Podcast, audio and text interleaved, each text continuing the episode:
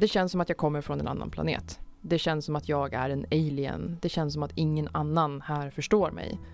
Eh, och många beskriver det och ger uttryck för det på olika sätt. Och man kan säga att det är så det känns att vara autistisk. Så annorlunda är man. Välkommen till Funka olika. En podd om funktionsnedsättningar och habilitering. Från habilitering och hälsa i Stockholms läns landsting. I den här podden tar vi upp teman som rör just funktionsnedsättningar. Vi kommer ta upp allt från diagnoser och behandlingar till kommunikation och hälsa. I de tre första avsnitten pratar vi om autism och då autism i kombination med normal eller hög begåvning som ibland kallas Aspergers syndrom. Första avsnittet handlade om myter och fördomar kring autism och idag ska vi prata om hur det är att så att säga vara från en annan planet. Hur en person som har autism kan uppleva världen och vilka svårigheter det kan leda till i vardagen och i samspelet med andra. I familjen, i skolan, med vänner, på jobbet. Precis som i första avsnittet har vi med oss Jill Karlberg och Sven-Olof Dahlgren. Ni kan väl presentera er? Jill? Ja, Jill heter jag och jag har diagnosen Aspergers syndrom som är en typ av autism. Jag fick min diagnos väldigt tidigt. Jag var 10 år gammal och i år är jag 29. Jag jobbar med att utbilda människor om vad autism är. Eh, då pratar jag mycket utifrån mina egna erfarenheter men också utifrån aktuell forskning. Och jag har gjort det i sex år nu och driver eget företag sedan tre år tillbaks. Perfekt, perfekt. Sven-Olof? Jag heter alltså Sven-Olof och är psykolog och har arbetat med autismspektrumtillstånd eh, sedan ja, drygt 30 år. Både praktiskt, där jag arbetar mest med hur ska man förstå situationer kring personer med autism. Men även forskningsmässigt eh, där jag jobbar med både diagnostik och just det här med förståelse. Och ni två föreläser ganska mycket ihop, ska vi tillägga också. Mm. Eh, jag och Sven-Olof, vi ger en föreläsning som heter Introduktion till autism. En eller några gånger om året har vi gjort de senaste sex åren. En närmare presentation av Jill och Sven-Olof finns i det förra avsnittet som handlade om myter kring autism. Lyssna gärna på det om ni inte redan har gjort det.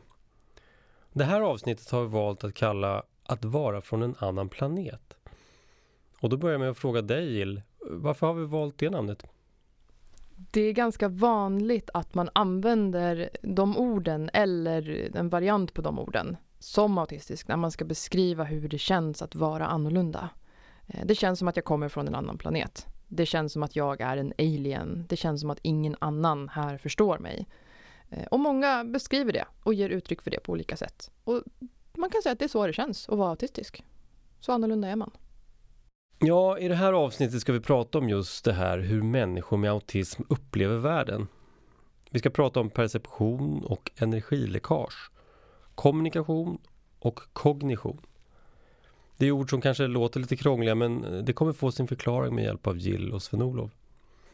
När det gäller perception, alltså upplevelser som vi får med våra sinnen, har ju många personer med autism en över eller underkänslighet. Vad innebär det? Ja, egentligen så är det att man kan vara över och underkänslig för olika typer utav kanaler eller sinnesintryck. Det kan vara så att man är överkänslig för smärta, men man kan också, samma person kan också vara eh, underkänslig för smärta. Om vi tar det här exemplet med eh, alla vet hur ont det gör att springa på en stillastående möbel med någon utav tårna, lilltån. Jag har träffat barn med autism som inte alls reagerar för det intrycket, den smärtan. Däremot har samma barn jättesvårt för att bli klippt, att duscha. Det är som små nålar som går emot huden när man duschar. Då är det mycket bättre kanske att bada i badkar. Det kan vara att man, det gör ont att klippa naglarna. Då måste vi fråga dig Jill, har du några konkreta exempel på det här? Jag är en person som är väldigt känslig för beröring och saker som kommer åt min hud. Eh, som skarpa material i kläder och såna här lappar och sånt. Det är verkligen tortyr för mig. Eh, jag tycker inte om lätt beröring. Jag tycker inte om att till exempel bli smekt över kinden så här lite kärleksfullt som vissa människor kan göra. Jag tycker inte alls att det är trevligt. När jag var liten och blev kittlad så var det alltså bokstavligt talat tortyr. Det var inte roligt på något sätt. Samtidigt så har jag extremt hög smärttröskel. och jag känner nästan inte värme överhuvudtaget på huden. Jag har alltså, när jag var liten en gång så stod jag och pumpade kokande vatten på min hand. Jag fick tredje gradens brännskada på tre fingrar och jag märkte inte att det här skedde förrän någon påpekade det för mig. För jag har en ganska lång eh, fördröjning innan jag känner smärta och värme. Men däremot lätt beröring känner jag på en gång. Mm -hmm. Vad kan det här leda till, den här över och underkänsligheten? Får jag ta ett exempel? Mm. Om du tänker in dig in i att du har är överkänslig för sinnesintryck. Och så kan vi ta en sån enkelt eh, tillfälle som en måltid. För det första så sitter du ner. Då känner du rumpan mot eh, stolsbotten. Du känner ryggen mot eh, vad heter det? Stolsryggen heter det. Det är oftast massa ljud kring en måltid. Det skrapas med knivar och gafflar mot porslin. Du har massa prat. Och hur ska jag få mamma att förstå att jag inte vill ha såsen tillsammans med potatisen utan jag vill ha det separerat. För rör jag ihop allting så känner jag inte smakerna utan jag får Jag kanske är överkänslig för vissa smaker. Det blir alltså en, en vad ska man säga, ett sammelsurium utav mängder utav intryck som jag måste sortera. Och det här gör du och jag automatiskt. Utan att vi funderar över. Jag kan också känna att rumpan är mot stol, stolen. Jag kan känna ryggen mot ryggstödet. Men det stör mig inte. Det är inte så att jag behöver tänka på tänka bort den här känslan utan jag behöver bara ignorera. Jag ignorerar det och jag gör det automatiskt. Där har du ett, en sekvens när det blir väldigt, väldigt jobbigt. Och väldigt många, framförallt barn med autism, försöker förenkla situationen kring måltiden. För att inte det ska bli för mycket så kanske man bara vill äta en och samma rätt om och om och om igen. Det är inte därför att man inte vill äta andra saker utan det är för att förenkla situationen i sig. Och när jag var liten så kunde vi inte ha porslinstallrikar alls. För att eh, det gnisslar ibland när man skär och jag fick utbrott och kastade mat omkring mig och kunde inte hantera det alls. Så vi bytte till såna här eh, plasttallrikar som man har i skolkök. Får jag bara lägga till andra saker? Det kan vara när man har såna här, bara att man ska ha samtal, mm. sitta och dricka kaffe och så finns det andra störmoment som mm sådana ljusarmaturer som uppfattas som om det blinkar. Jag kommer ihåg första gången vi träffades, Jill och jag, tillsammans med en del andra från den folkhögskola som du gick. Mm. Vi fick sinnesintryckssanera. Japp. För att vi skulle kunna komma igång och sätta igång med det här mötet. Vi släckte ner lampor, vi plockade bort en klocka som la klick klick. Mm. Eh, vi tog, drog för en gardin och att den var helt för. Eh, fönstret gick ut mot en korridor där det passerade folk. Och så var det någonting mer som jag inte kommer ihåg just nu. Men vi, vi gjorde ett försök att sanera för att det skulle funka för er. Och för första gången jag, första gången jag var och besökte er på folkhögskolan så kom jag in i en, i en sal och det är så här mysigt ljus. Åh, vad mysigt! Tills jag kommer på det. Ja visst ja, det har de för att de inte ska bli irriterade på grund av att det är ljusarmaturer i lokalen. Så hade de här dukar före, äh, mellan då ljuset och bordet. Så att det mhm. blev en dämpat ljus. Men eh, hur ska omgivningen tänka och hur ska de runt omkring agera för att det ska funka så bra som möjligt? Det är bra om man kan hjälpa till att göra sådana här intryckssaneringar där man plockar bort så mycket intryck som det bara går i alla situationer egentligen. Eh, respektera att det går inte att föra ett samtal samtidigt som det kommer en, en lastbil och kör förbi om man är utomhus. Att eh, starkt solljus kräver att man har solglasögon på sig om man är känslig för ljus. Och det handlar inte om att man är otrevlig och inte vill ta av glasögonen utan det går inte annars. Eh, och försök att hjälpa till och, respektera de här behoven, för det handlar om behov. Det är inte så att man har en fix idé, utan det behövs att man plockar bort. Annars så blir det överladdning och då blir det inga bra samtal någonsin. Och en av de vanligaste sakerna som brukar hända det är att man har en radio i bakgrunden. Ja. Som bara står på. Musik som bara står på. Utan någon, något syfte. Är det a big no-no så att säga? It's vanligtvis är big Vanligtvis, inte, inte kanske alltid. för alla, men för många. Eh, och där måste man alltid möta individen och fråga vad, vad behöver du? Eh, men det kan ju handla om att man kanske inte ska ha småblommiga eh, skjortor på sig. Hawaii-skjorta är kanske inte det bästa när man ska möta någon som, som man vet är känslig för intryck. För det är väldigt mycket saker att titta på. Stark parfym? Ja, starka parfymer. Det är som en, som en allergi skulle man kunna säga, mot alla intryck. Hm. Där tipsade ju du Sven-Olof om en film på Youtube som är rätt intressant. Ja, på Youtube så finns det en film som National Autistic Society har gett ut. Det är den engelska föreningen för autism, eller brittiska. Och den heter Can you make it to the end? Så det kan man söka på? Det kan man söka på Youtube? Ja, och den är, den är kort, två, två och en halv minut eller något sånt där. Och ger ett väldigt bra exempel på hur det kan upplevas att ha autism. Mm. Jag tittade på den själv och det var en väldigt intressant upplevelse. Och då har man ju ändå inte kunnat ta med alla intryck tänker jag. Det är viktigt att, komma ihåg när man tittar på den här videon att man har de flesta intryck men det man inte har, man har inte beröringen och man har inte lukterna. Det finns ju inte med när man tittar för det är bara en video. Men ändå så är den så överväldigande tror jag för alla som ser den. Så det ger en, en bra indikation Absolut. på hur det är. Absolut. Mm. Vi har ju hört många exempel nu på perception, över och underkänslighet. Vad får det för konsekvenser? Vad leder det till för den som har de här intrycken? Att gå hela tiden och ha den här överkänsligheten och ofta vara väldigt överladdad det innebär ju dels att man måste anstränga sig för att minimera de här intrycken hela tiden och tänka på det hela tiden. Det innebär att det går åt energi för att anpassa och det går också åt energi för att hantera att man får de här intrycken. För vad man än gör, hur mycket man än plockar bort så är det alltid något synintryck, något ljudintryck, någonting som stör. Och det här tar kraft.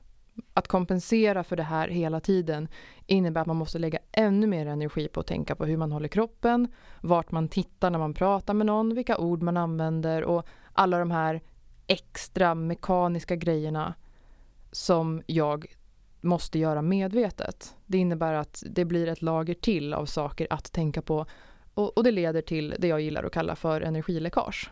Man kan säga att vi går omkring och läcker lite energi hela tiden i högre utsträckning än vad andra människor gör. Och det får ju också konsekvensen att när vi pratar och du säger att du är jättetrött och när jag säger att jag är jättetrött så är det faktiskt på olika nivåer. Mm, vi menar helt olika saker. Ja, och det är svårt för någon som inte är autistisk och inte har den här känsligheten att förstå hur trött man blir av starka lampor och höga ljud och alla de här sakerna. För det stör inte andra människor på samma sätt. Och då vill jag också komma in på det här med återhämtning. Mm. Hur skaffar man sig energi? Därför att det är ju också olika från individ till individ. Mm. Men det kanske inte är inom samma sfär eller område där jag hämtar energi eller där du Johannes hämtar energi utan det kanske är att man hämtar energi genom att räkna eller sitta under en filt eller Ja, du har dina sätt ja, att hämta.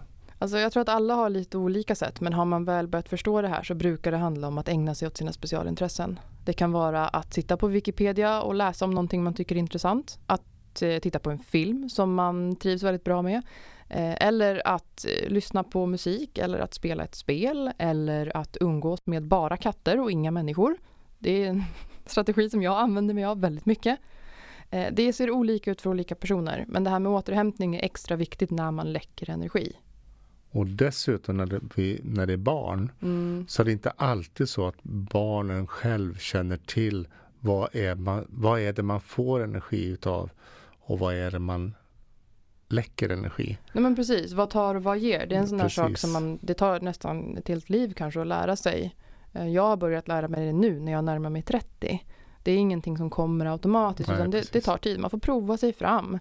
Eh, och det här är inte heller någonting som man är medveten om. Man är kanske inte ens medveten om att de här intrycken stör eller att man läcker energi eller att man är låg. Eh, men ju, ju lägre man är i energi, ju mer stressad man är, desto svårare är det att hantera intrycken. Desto mer lättirriterad, stressad, arg, ledsen blir man och desto svårare blir det att tolka. Så det blir som lätt en ond cirkel. Mm. Vad är det som gör dig mest trött? De intryck som jag har svårast för är nog eh, höga ljud eller obehagliga ljud och den här omotiverade beröringen som människor ägnar sig åt ibland.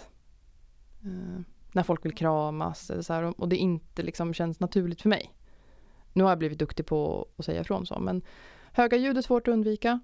Skarpa ljus är också svårt att undvika. För det händer och det finns inte så mycket att göra. Om vi lämnar det här med perception och sinnesintryck och går över till kommunikation. Vad är det som är så svårt när det gäller kommunikation och autism? Det... Kommunikation handlar ganska mycket om att tolka utifrån eh, en förutbestämd idé om hur saker är och ska vara. Eh, vi har någon sorts eh, socialt kontrakt där vi har bestämt att vissa saker betyder vissa saker. Och det här sker intuitivt för de flesta människor. Alltså man vet vad man ska svara när, när grannen, eh, man möter på grannen och så frågar personen ja, hur är läget? Då ska man svara jo tack det är bra själv. Eh, och för mig är det här en helt meningslös interaktion. Jag förstår inte syftet. Jag kan på ett intellektuellt plan lista ut att det här fyller någon sorts funktion. Men det är helt ointressant för mig och för de flesta andra med autism. Jag skulle mycket hellre fråga Jaha, eh, så har du läst någon intressant eh, forskning på sistone som har någonting att göra med kommunikation som vi kan diskutera? Och svarar grannen nej, vilket är sannolikt, skulle jag säga nej. Har du något annat intressant då? För annars så hej då. För jag är inte intresserad. Vi, vi människor har väldigt mycket system för hur saker ska vara. Och de av oss som är autistiska, vi är inte så intresserade av det här. Vi fokuserar mer på innehåll än form. Har ett bokstavligt tänk. Har svårt att förstå liknelser och metaforer. Har svårt att förstå när människor säger någonting annat än vad de menar. Det är svårt att veta vilken nivå man ska lägga sig på. Eh, vad berättar jag för ICA-kassörskan när hon säger är allt bra? Och vad berättar jag för mina föräldrar när de frågar är allt bra? Vad berättar jag för min psykolog när den människan frågar är allt bra? Det är ju olika. Och det här är väldigt ologiskt. Så det som är svårt är olika normer kring kommunikation? Det är väldigt mycket den här sociala kommunikationen som mm. du pratar om. Det här med hur man använder kommunikation för att ha någon form av relation egentligen. Ja, och det är ju en del av det. Det är ju en del, absolut. Sen har du det också som du nämnde, det här med konkret språkförståelse. Det här mm. med att man behöver alltid fundera på vad betyder det här som sägs? För det är ju inte bara det som sägs som betyder någonting i en kommunikation. Nej. Utan det finns massa andra delar i kommunikationen. Ansiktsuttryck, tonfall, rörelser, gester. Allt det som har det betydelse, har det inte betydelse? Jag det måste tolka, det blir en medveten ja, tolkningsprocess. Och det är en väldigt stor del av den kommunikation som sker mellan människor som är icke-verbal. Det är ögonkast och det är mimik och det är sådana ja, saker, precis. kroppsspråk. Ja. Eh, och det är många av oss som inte läser den här icke-verbala kommunikationen. Vi kan helt enkelt inte avtolka det, för vi pratar inte det språket. Och likadant så är det ju så att ni använder oftast inte det språket heller. Nej. Däremot, Vilket gör att vi i omgivningen försöker tolka i alla fall. Ja, och så blir det missförstånd. För att precis. man försöker tolka in någonting i vår kommunikation som inte finns där. Nej, precis. Och det gäller ju inte, det gäller inte bara icke-verbal kommunikation. Nej, um, absolut Arbetsintervjuer där man inte tar ögonkontakt är det klassiska exemplet där vi misslyckas med icke-verbal kommunikation. Mm. Men det gäller ju även saker som tonfall, eh, hur man uttrycker alltså känslor och betoningar och vilka ord man använder i vilket sammanhang och sådana saker. Där vi ofta blir misstolkade. Men om jag är anhörig, vän eller kollega till en person med autism, eh, vad ska jag tänka på i kommunikationen? Alltså som anhörig så är det ju så att för det första så tycker jag när man själv vill sända ett budskap, förutom att man då ska se till att det inte finns en massa störmoment som vi har pratat om tidigare med ljud, så ska man försöka vara så tydlig som möjligt i sin sätt att uttrycka sig. Att inte linda in saker och ting, ställa i frågande form, eh, använda negationer i onödan. Det är liksom sånt man ska låta bli. Sen finns det framförallt när det gäller barn ett, ett problem därför att många barn med autism kan låta som om man har ett väldigt väl fungerande språk. Så är det väldigt lätt att halka in i det vuxentalet. Det är väldigt många barn med autism som uppfattas som lillgamla. Och det bygger väldigt mycket på att de uttrycker sig på ett eh, vuxet sätt. Men det är inte alltid som det här vuxna sättet är förankrat i förståelse. Och är det så att då att vi i omgivningen svarar barnet som låter som en vuxen på ett vuxen, med ett vuxet språk så är risken stor för att det blir missförstånd. Mm. Och dessutom så är det ju så att vi måste i omgivningen ge barn, ungdomar och vuxna med autism den tid de behöver för att svara på den, min utsaga. Oavsett om det är en fråga eller om det är någonting annat jag har sagt. För att få den tiden att förstå det som är sagt. Mm. Vad säger du Jill? Överlag när man ska kommunicera med en person som har autism så, så tycker jag att man ska vara tydlig, man ska vara konkret, man ska göra en sak i taget. Ett budskap i taget och en sak i taget. Gör färdigt innan du går vidare till nästa. Eh, och ha någon sorts struktur. Överlag så här, tänk igenom, tänk så här, vad är syftet med det här, vad vill jag egentligen säga? Och kan du inte svara på den frågan själv så låt då hellre bli att säga någonting alls. Eh, och en sak i taget. Prata inte för pratandets egen skull. Nej, för det fyller ingen funktion för oss. Det är bara förvirrande. Mm. Eh, Om jag får ett budskap som jag inte förstår, då utgår jag från att det måste finnas någonting i det här som jag har miss, missat eller som jag har missförstått. Och försöker då övertolka in i någonting som inte existerar och det leder till väldigt många konflikter. Vi brukar prata om onödiga ord. Undvik onödiga ord. Har du några konkreta exempel? Ja, till exempel, eh, ja, så eh, tycker du om att vädret är bra? Ja, hur mår katten? Alltså jag säger till ifall katten är sjuk. Om du är en person som jag bryr mig om och du bryr dig om mig, då vet du ifall min katt är sjuk. Jag lovar, jag kommer upplysa dig om detta för det är viktigt för mig. det är ingenting som du kommer behöva fråga om. Ehm, eller att, ja men jag tänkte ju på den där saken och sen så nej fast det var ingenting kom jag på. Det är en typisk sån här helt onödig harang som man inte behöver utsätta autistiska människor för, för det tar jättemycket kraft. Det här relationspratet som egentligen bara betyder att jag ser dig, jag hör dig, jag tycker om dig. Det som vi använder ganska mycket i, i våra relationer. Egentligen, det är det. Mm. Det för inte samtalet vidare egentligen. Jag har för mig att du har sagt någon gång just det här med att prata inte om du inte har någonting att säga. Ja, Som har liksom betydelse. ja. Även om vi tycker att det har betydelse därför att vi skapar relationer på det sättet. Återigen så handlar det om den här strukturen. Antingen pratar man om något för att det är intressant. Jag läste en intressant artikel eller jag hörde talas om det här fenomenet. Jag vill ha din åsikt, jag vill ha din feedback. Eller så frågar man, ska vi åka och göra det här? Ja eller nej? Nej, bra. Mm. Men många människor kan ju känna att tystnad kan bli obehagligt. Är det annorlunda för dig Jill? Det beror på. Jag känner väldigt stor skillnad på tystnad och tystnad. Det finns obehaglig tystnad och så finns det behaglig tystnad. Och en av de sakerna som är viktiga för mig, det är att reda ut varför jag i så fall är obekväm med tystnaden. Om det beror på en annan människa, vilket det oftast, eh, nu för tiden för mig är det oftast på grund av någon annan person, då vill jag reda ut det med den människan. Varför kan inte vi vara tysta tillsammans? Varför känns det obehagligt? Och det, det händer ju kanske mer i alltså, andra relationer än djupa vänskapsrelationer eller kärleksrelationer. För i en djupare relation tycker jag att man ska kunna vara tyst tillsammans utan att det känns obehagligt. Annars är det nog fel. Tystnad är inte farligt i sig. Okej. Och de här skillnaderna i sättet att kommunicera, vad kan det leda till? Hemma eller i skolan eller på arbetsplatsen? Det leder till väldigt många missförstånd. Det leder till väldigt mycket konflikter, tror jag. Helt onödiga konflikter. Därför att man säger någonting men man menar någonting helt annat. Man ber till exempel en elev att eh, den ska räkna ett visst antal tal av någon anledning som man inte förklarar och som man inte har tänkt igenom. Och när eleven då vägrar därför att den har räknat x antal tal och tycker att nu har jag ju visat att jag kan det här, eh, så handlar ju inte det egentligen om en ovilja på något sätt att möta kravet utan det handlar ju om att jag förstår inte syftet och du har inte kommunicerat ditt syfte tillräckligt bra till mig som elev. Men sannolikt har man inte orden för att uttrycka det här utan man säger bara men du är dum i huvudet, sluta gå härifrån. Jag hatar dig. Och i privata relationer så handlar det ofta om att eh, mycket den äldre generationen har en större tendens att prata för pratandets skull. Så. Man vill prata som någon sorts, det fyller någon sorts syfte. Och det kanske inte är helt lätt att säga, jag vill ha en känslomässig eh, kontakt med dig. Skulle vi kunna prata om någonting som känns viktigt för oss båda? Så då säger man istället, men kan du inte komma på en kaffe? Och så blir det skuld och det blir skam och det blir obehagligt för alla och så lider alla i slutändan och det är ju dumt. Mm. Det här som vi pratade om tidigare, energiläckage, hur kommer det in när det gäller kommunikation?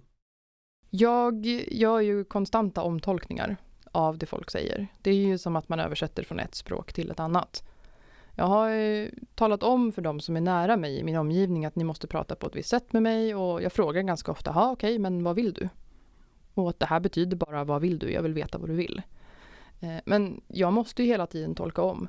Och när jag möter nya människor som inte känner mig så bra så måste jag tänka väldigt mycket på vilka ord jag använder, vilka uttryck jag använder, hur jag rör kroppen, hur jag rör ansiktet för att inte bli feltolkad och att folk ska tro att jag har något problem med dem. För det har jag oftast inte. Jag tycker ganska bra om människor överlag. Men det är lätt att tolka mig som, som avig om inte jag tänker på det. Och det innebär ju att det går åt en massa kraft. Och lägger man då på några andra saker, intryck, ljus, ljud, saker som händer, så blir det blir svårt att hålla reda på alla de här bollarna. Det blir så mycket att jonglera. Och när man då går in i den här låga energinivån så innebär det också att det blir väldigt jobbigt att försöka tolka. Vilket gör att man slutar tolka. Och när man inte orkar tolka så kommer missförstånden. Och vad händer då när energin är slut? Jag brukar prata om energi som ett batteri som går en skala som går från, från 1 till 10. Och jag är ju en otroligt verbal person och en kommunikativ person. Men när jag kommer ner på 2-3 energi, då är inte jag längre kapabel att uttrycka mig i ord. Då, då blir det de här lätena, det här mm, åh, nej, uh, det blir mycket nej och orkar inte och så. Eh, och ganska, en ganska otrevlig attityd mot mina medmänniskor därför att jag är för trött. Okej, okay. är det några andra saker som ni tycker är viktiga att lyfta fram när det gäller kommunikation? En av de saker som folk ofta säger till mig, det är att de uppskattar att jag är så rak. Och det är också så här typiskt autismkommunikation. Att vi säger det vi menar och vi menar det vi säger. Det är inte så himla komplicerat. Det är raka rör och det är raka puckar och det är inte så mycket eh, frågetecken runt vad saker egentligen betydde och om någon menade någonting annat. Sådär. Eh, vi är duktiga på att kommunicera på ett fördomsfritt sätt. Vi utgår mer ifrån det folk faktiskt säger än kanske underförstådda eller att man ska läsa in. Vi, vi tar lite det folk säger för det de säger och läser inte in så himla mycket i det utan det är rak tydlig kommunikation, det är enkelt för alla att förstå och det blir mycket mer effektivt. Både rent vad man ska få gjort men också känslomässigt mer effektivt när man faktiskt bara säger det man menar och frågar det man inte förstår. Och det är väldigt positivt och det, det tror jag att många skulle må bra av att göra mer av. Säg rakt ut vad det är du vill, så blir det bättre. Vad säger du om det här, Sven-Olof?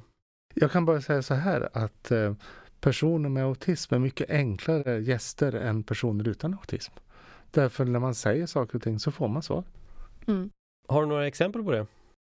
Ja, till exempel jag och min fru hade en eh, kvinna med autism på besök. Vi skulle jobba tillsammans och ehm, jag frågade henne om hon ville äta först eller eh, jobba först. Och hon sa, eh, vi äter först för jag är hungrig. Hade det varit en person utan autism så hade det varit Um, nej, men inte ska väl jag bestämma? Och då frågade jag min fru och då skulle hon ha sagt, ja men jag är inte gäst, det är hon som är gäst. Och så hade vi hållit på tio minuter där.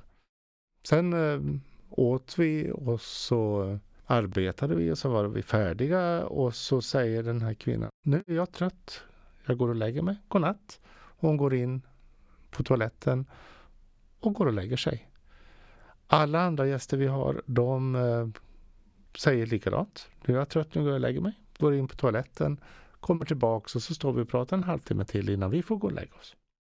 Alltså det här eh, spelet, det finns ett socialt spel som är lättare med personer med autism än personer som inte har autism. För det finns så mycket fix och fyr och regler och outtalade regler som man ska följa. Och man ska bete sig på ett speciellt sätt kring måltiderna och man ska vara på ett speciellt sätt. Och det, det är faktiskt enklare. Mm. Ett annat exempel på det här med hur autistisk kommunikation är bättre och rakare och tydligare Eh, jag, jag bor ihop med en autistisk kille som är hitflyttad från Storbritannien. Och eh, britter har en ganska speciell humor. Den är, den är väldigt hård, det är mycket sarkasm och han har ju växt upp där och lärt sig att skämta på det sättet. Och jag blev ganska sårad av hans sätt att vara i början, trots att vi båda är autistiska. Men då kunde jag säga det till honom. Jag kunde säga att jag blir jättesårad när du skämtar så här och han kunde förklara hur han menade. Så vi bestämde helt enkelt att han skulle ha en sarkasmflagga. Och så gjorde jag en liten vimpel till honom som han fick ha och så fick han vifta med den när han var sarkastisk. För han kunde säga helt groteska saker ibland för att han är också autistisk, det blir lite mycket ibland. Eh, men då viftade han med flaggan och då visste jag att då behöver jag inte tänka på att det där var någonting för då vet jag att det inte är någonting. Ett bra tips kanske? Ja, jag eh, tror att alla hem skulle må bra av en sarkasmflagga. Eh, speciellt om man har någon typ av kulturkrock. Och efter den här diskussionen om kommunikation ska vi fortsätta prata om kognition, alltså de mentala processer som styr vårt tänkande. Och hur kognition kan se annorlunda ut hos personer med autism. Sven-Olof, kan du förklara det här med kognition och autism? Ja, egentligen så är det tre grundförmågor som vi pratar om. Alla tre förmågorna är nödvändiga för att klara av vardagen. Vi pratar om förmågan att byta perspektiv eller theory of mind som det kallas. Förmågan att föra ihop detaljer till en form av sammanhang, central koherens.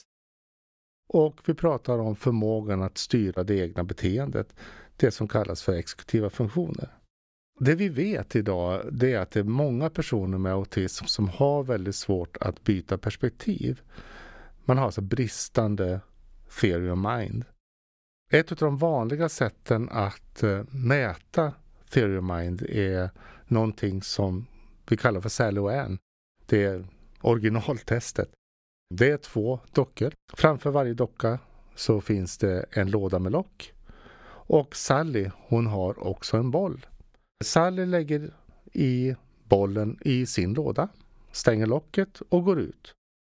Under tiden hon är borta så förflyttar Ann den här bollen till sin egen låda, stänger locket på bägge lådorna och när Sally kommer in så frågar man barnet, vet Sally var bollen ligger?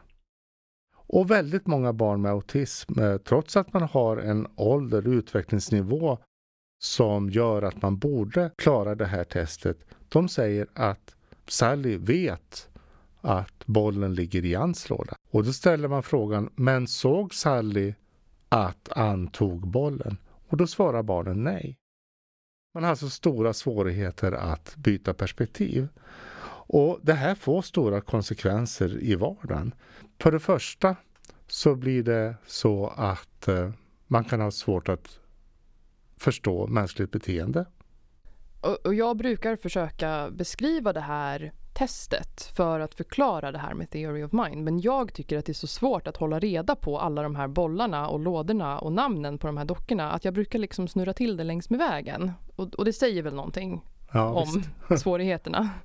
Men jag tycker att det är ett väldigt bra sätt att beskriva det. Det går att översätta i betydligt mer komplexa situationer. Ja, precis. Mm. Och dessutom är det ju så här att om man nu även lyckas med det här testet så innebär det ju inte att man med nödvändighet har förmågan att använda sig av den här kunskapen i alla situationer. Det kan vara det barnet som har svårt att veta hur mycket ska jag säga till dig för att du ska förstå vad jag vill?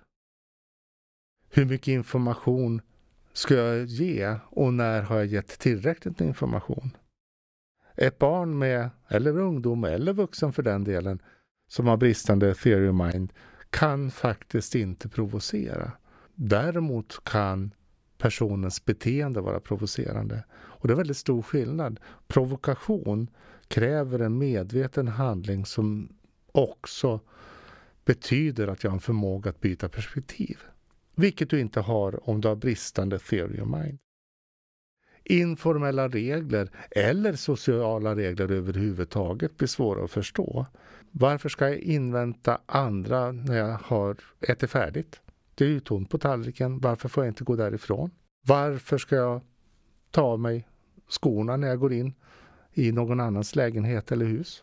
Varför kan jag inte stå precis med nästippen mot din nästipp när jag ska prata med dig? Eller varför måste jag stå 60 till 80 centimeter framför dig och titta dig i ögonen när jag ska prata med dig. Det finns alltså mängder av sådana här sociala regler. Och de här sociala reglerna är också olika överallt i världen.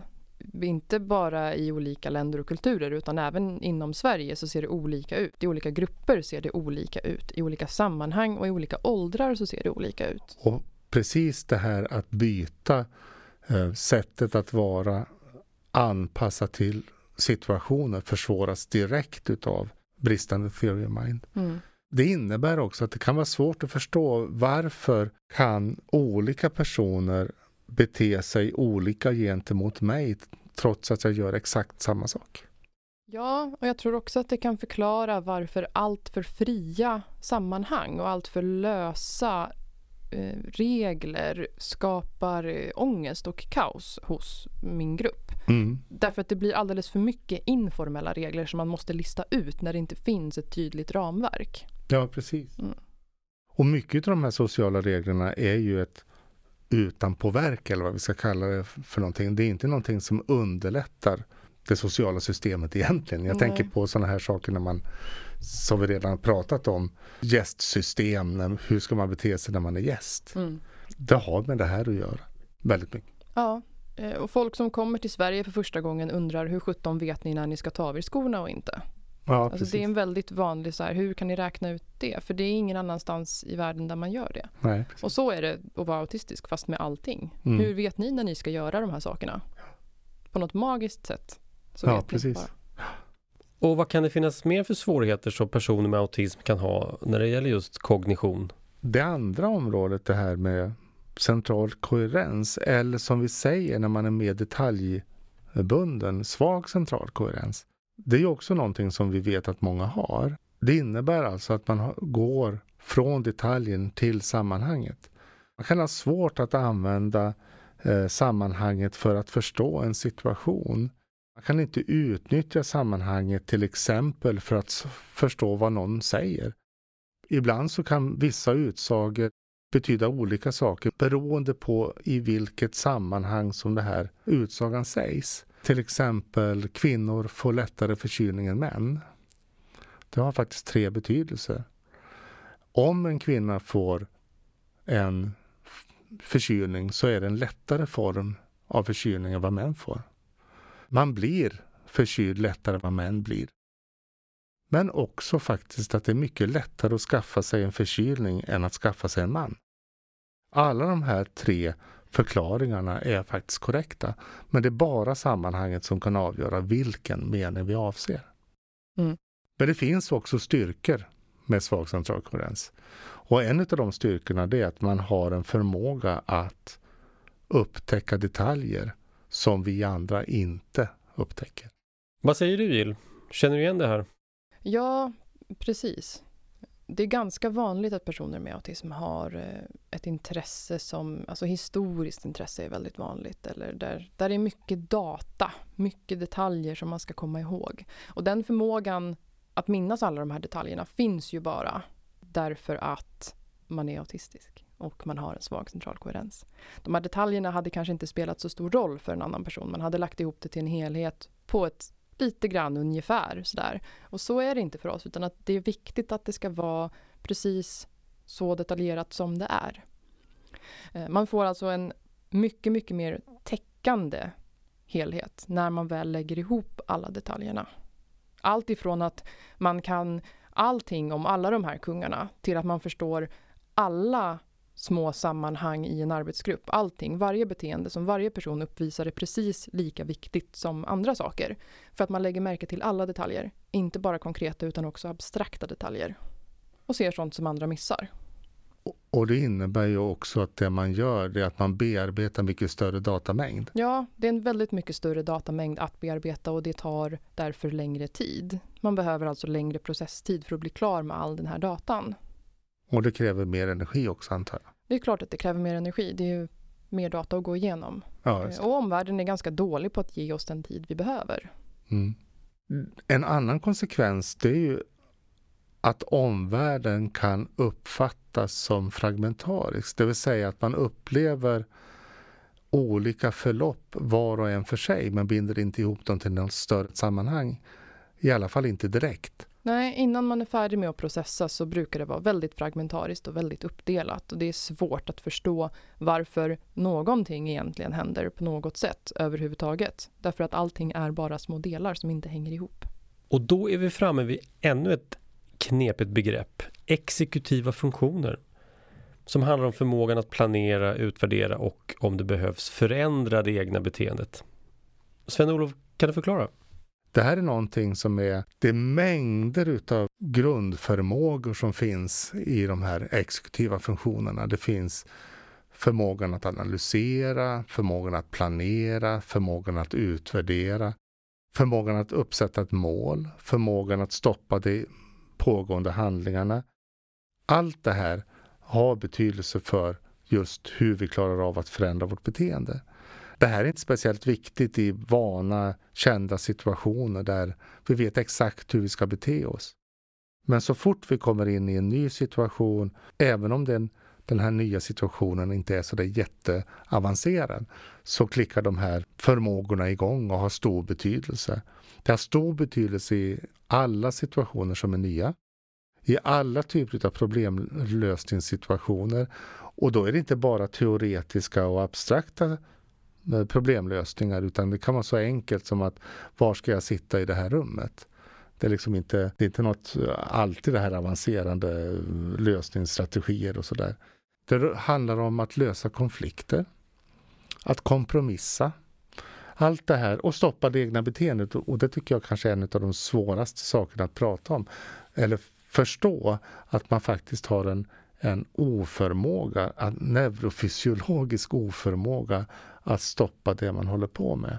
Och det kräver en viss förståelse för att, att man ska få den här acceptansen då och få verktyg eller hjälp att klara av att eh, stoppa det här beteendet. Då. Mm. För ofta behövs det ganska mycket strategier för att hantera just de exekutiva funktionerna. Det, är det väldigt, var strategier ja, jag sökte. det, de exekutiva funktionerna är väldigt närvarande i allting som vi gör hela tiden.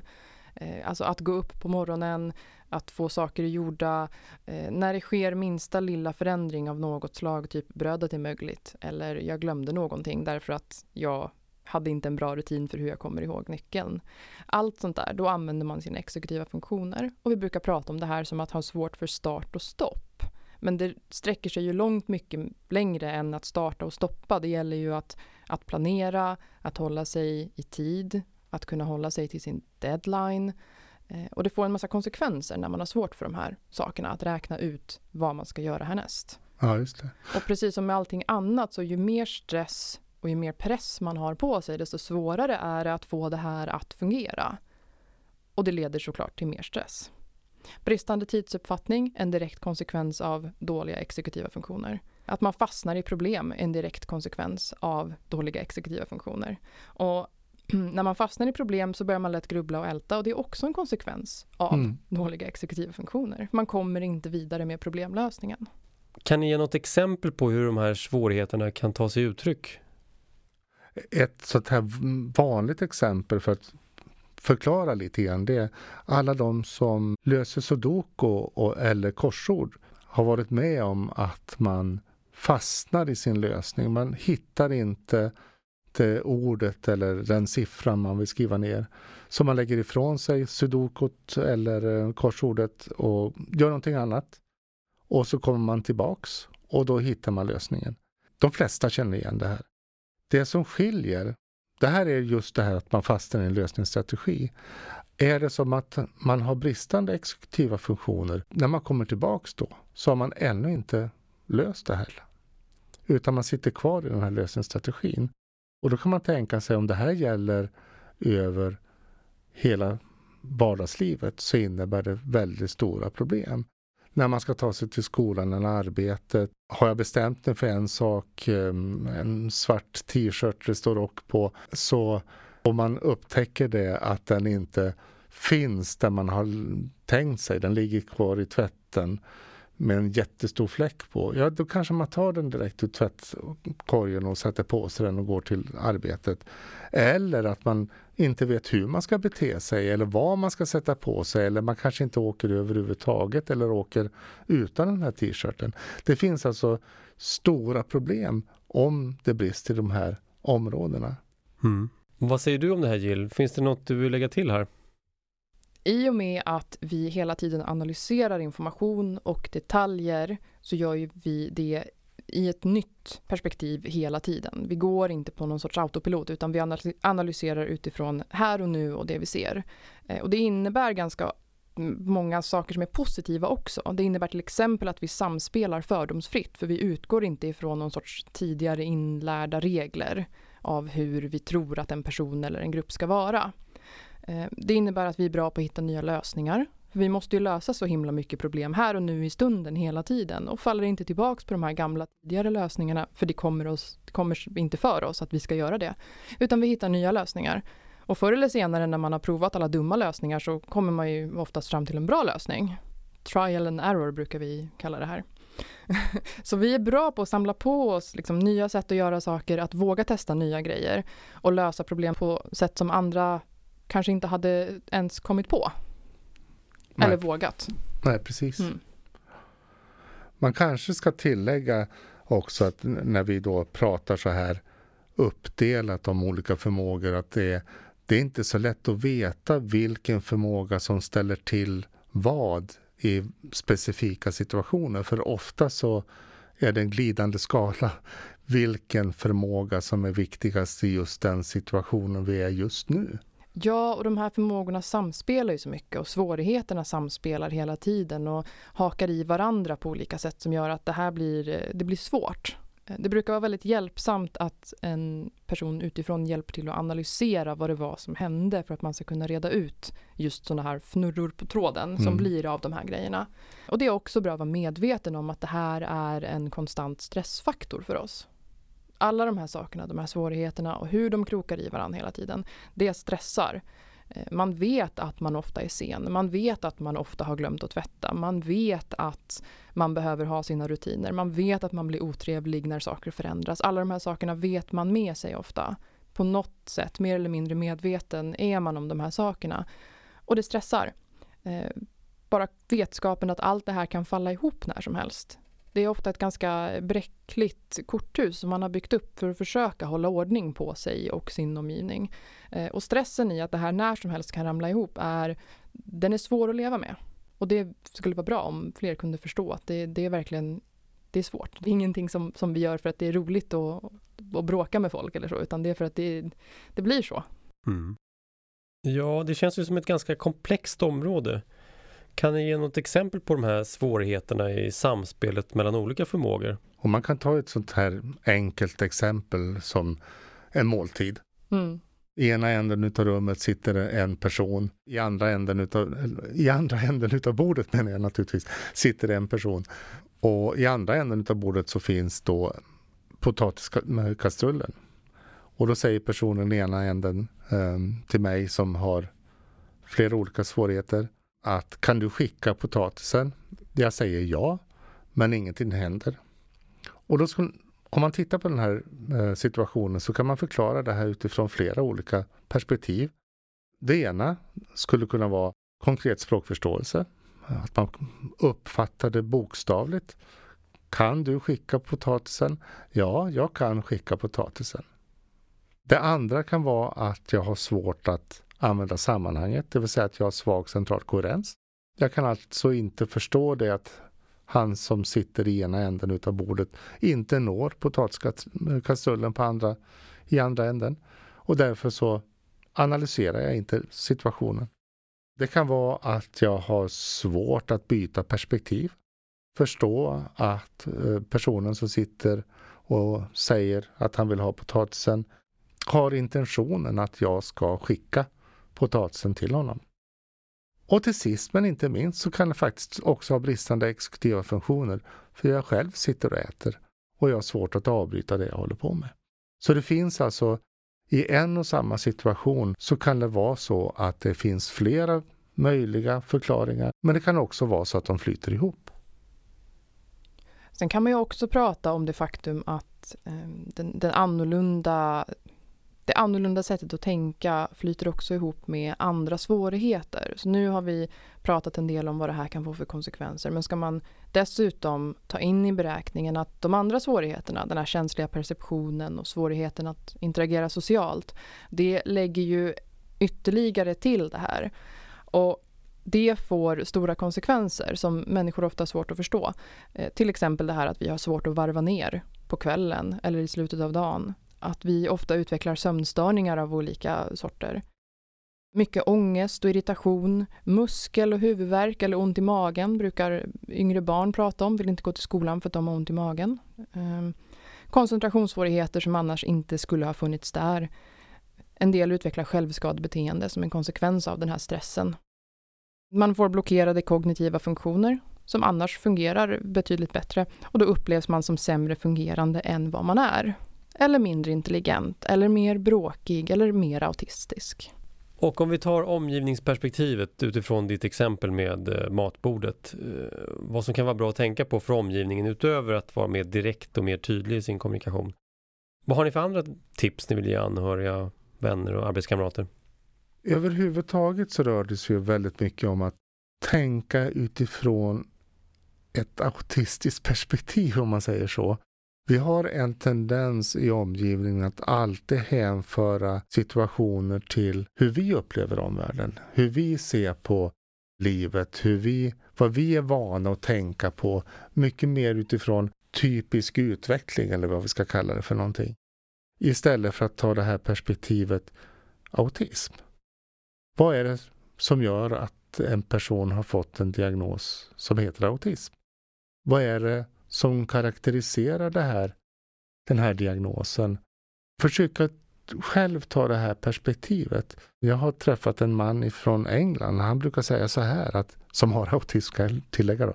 Han brukar säga så här, ni säger att vi har svårt att byta perspektiv. Men varför är det alltid vi som ska göra det? Och lite grann så tycker jag att det är, att vi har en tendens till att trycka på vår kultur på personer med autism utan att försöka ta perspektivet autism, vilket jag tycker vi måste lära oss och bli bättre på. För det är bara den vägen vi kan gå. Om man ska göra en jämförelse igen då tänker jag att om man har en, en gäst som är på besök från, från Asien och inte, som inte pratar någon svenska eh, så hade man ju inte kanske försökt prata svenska med den personen och tyckte att människan var oförskämd när den inte svarade på svenska. Utan då hade man ju kanske i alla fall försökt använda engelska eller kanske kroppsspråk. Man hade försökt hitta sätt som fungerar att kommunicera. Och det känns som en ganska självklar sak. Men när det kommer till personer med autism så förväntar man sig att vi ska prata NT-språket och om vi inte gör det så är det oss det är fel på och det är vi som är oförskämda. Och där har Sven-Olof helt rätt. Det handlar om att omgivningen måste lära sig att byta perspektiv faktiskt. För vi kan ju inte det. Det är därför vi har fått en diagnos. Ja, och med det rundar vi av det här andra avsnittet om autism som har handlat om hur det är att vara från en annan planet. I nästa avsnitt ska vi prata om att vara anhörig eller vän till en person med autism och vad du kan göra om du misstänker att ditt barn har autism. Lyssna gärna på de andra avsnitten också. Du hörde Jill Karlberg och Sven-Olof Dahlgren och jag, jag heter Johannes Rosenberg. Vad tyckte du om programmet? Har du förslag på vad vi ska ta upp i framtida avsnitt av podden? Gå gärna in på vår Facebook-sida Funka olika och tyck till. Podden Funka olika produceras av Copyfabriken. Tack för att du lyssnade. Vi hörs igen.